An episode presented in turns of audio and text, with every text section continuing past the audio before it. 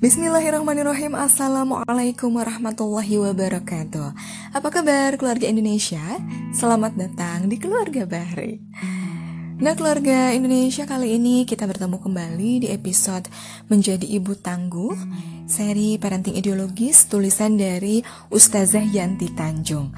Kalau di episode pertama kita sudah membahas bagaimana akhirnya kita sebagai seorang ibu harus ternyata memiliki cita-cita untuk memiliki anak banyak atau memiliki keturunan yang banyak karena Rasulullah Shallallahu Alaihi Wasallam akan sangat berbangga dengan jumlah umatnya yang begitu banyak. Nah, akan tetapi tentunya ini pun tidak boleh lantas membuat kita sedih. Barangkali ada di antara kita yang sampai saat ini sudah menjalani bertahun-tahun usia pernikahan dan ternyata Allah belum mengkaruniakan juga keturunan, begitu? Tentu ini tidak lantas membuat kita menjadi sedih atau menjadi berkecil hati karena kita bisa melihat bagaimana Ibunda Aisyah radhiyallahu anha juga tidak Allah takdirkan atau tidak Allah kodokkan untuk memiliki keturunan akan tetapi beliau diberikan julukan oleh Allah sebagai ummul mukminin atau ibu dari orang-orang yang beriman.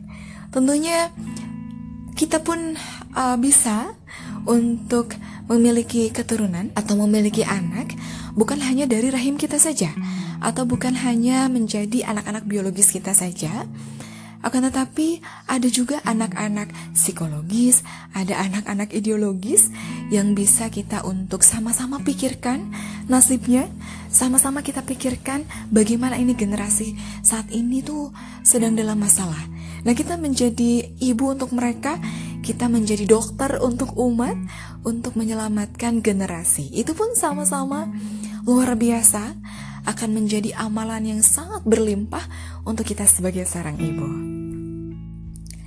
Nah, keluarga Indonesia untuk episode kali ini saya ingin membahas satu segmen dari buku ini yaitu judulnya adalah Bangga Menjadi Ibu Rumah Tangga.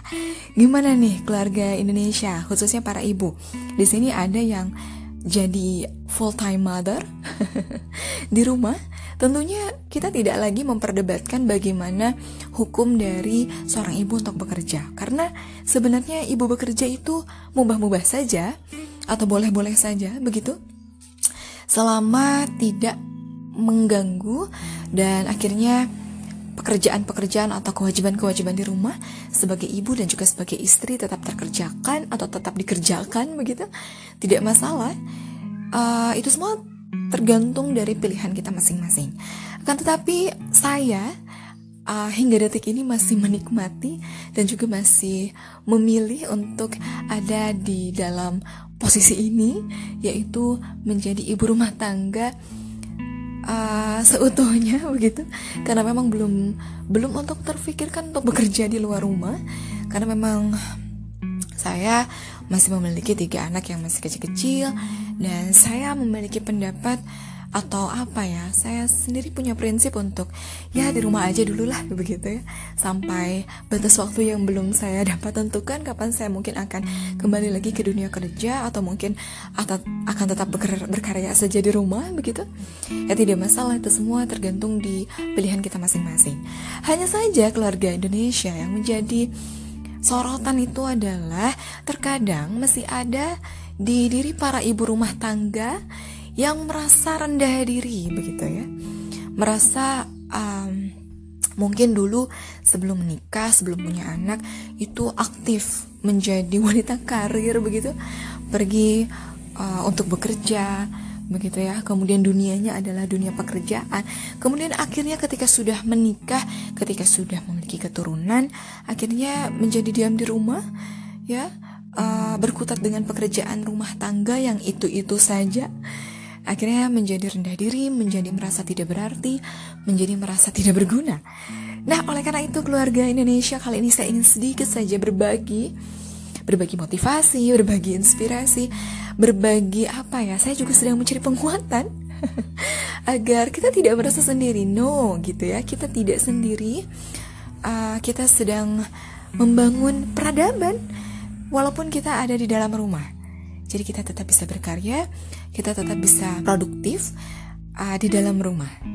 Nah di sini Ustazah Yanti Tanjung pun mengulas uh, terkait dengan status kita sebagai ibu rumah tangga dan kita perlu bersyukur, kita juga perlu bangga. Jadi kalau misalnya ada yang bertanya, kamu kerjanya di mana?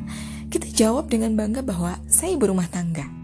Oh, sayang dong, kamu itu udah kuliah tinggi-tinggi, uh, kemudian kamu juga berprestasi, misalnya begitu. Uh, bahkan misalnya sampai S2, S3, kenapa kamu jadi ibu rumah tangga?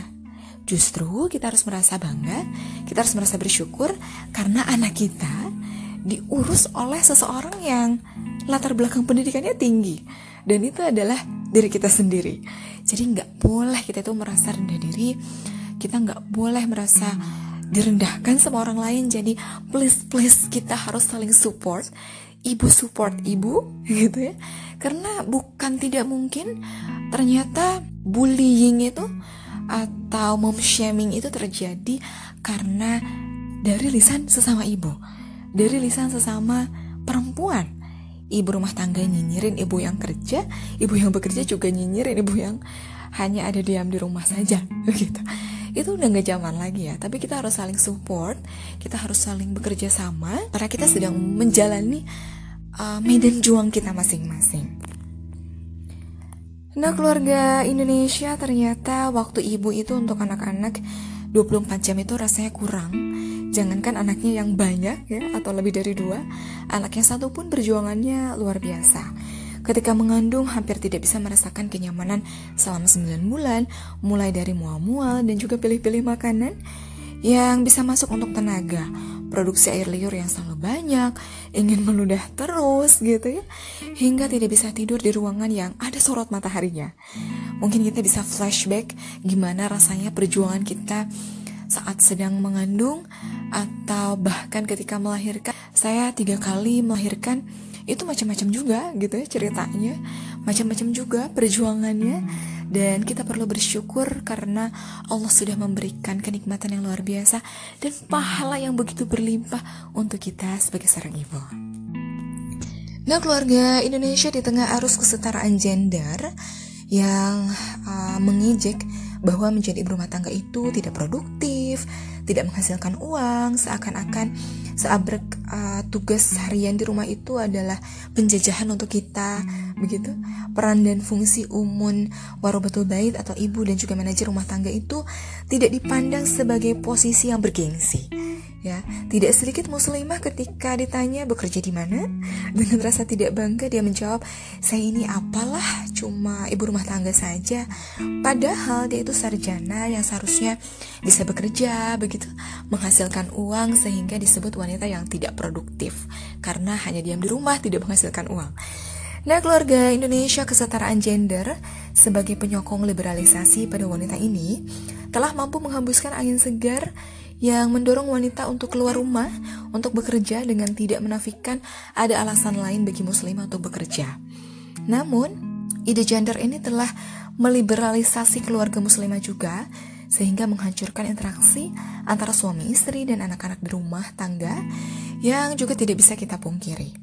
Para ayah pun tidak sedikit yang akhirnya gamang kalau istrinya tidak bekerja dan hanya menjadi ibu rumah tangga. Wajar lah ya, karena kapitalisme ini memang memutar hidup ini dengan uang. Semua standarnya adalah materi, standar kebahagiaannya adalah uang.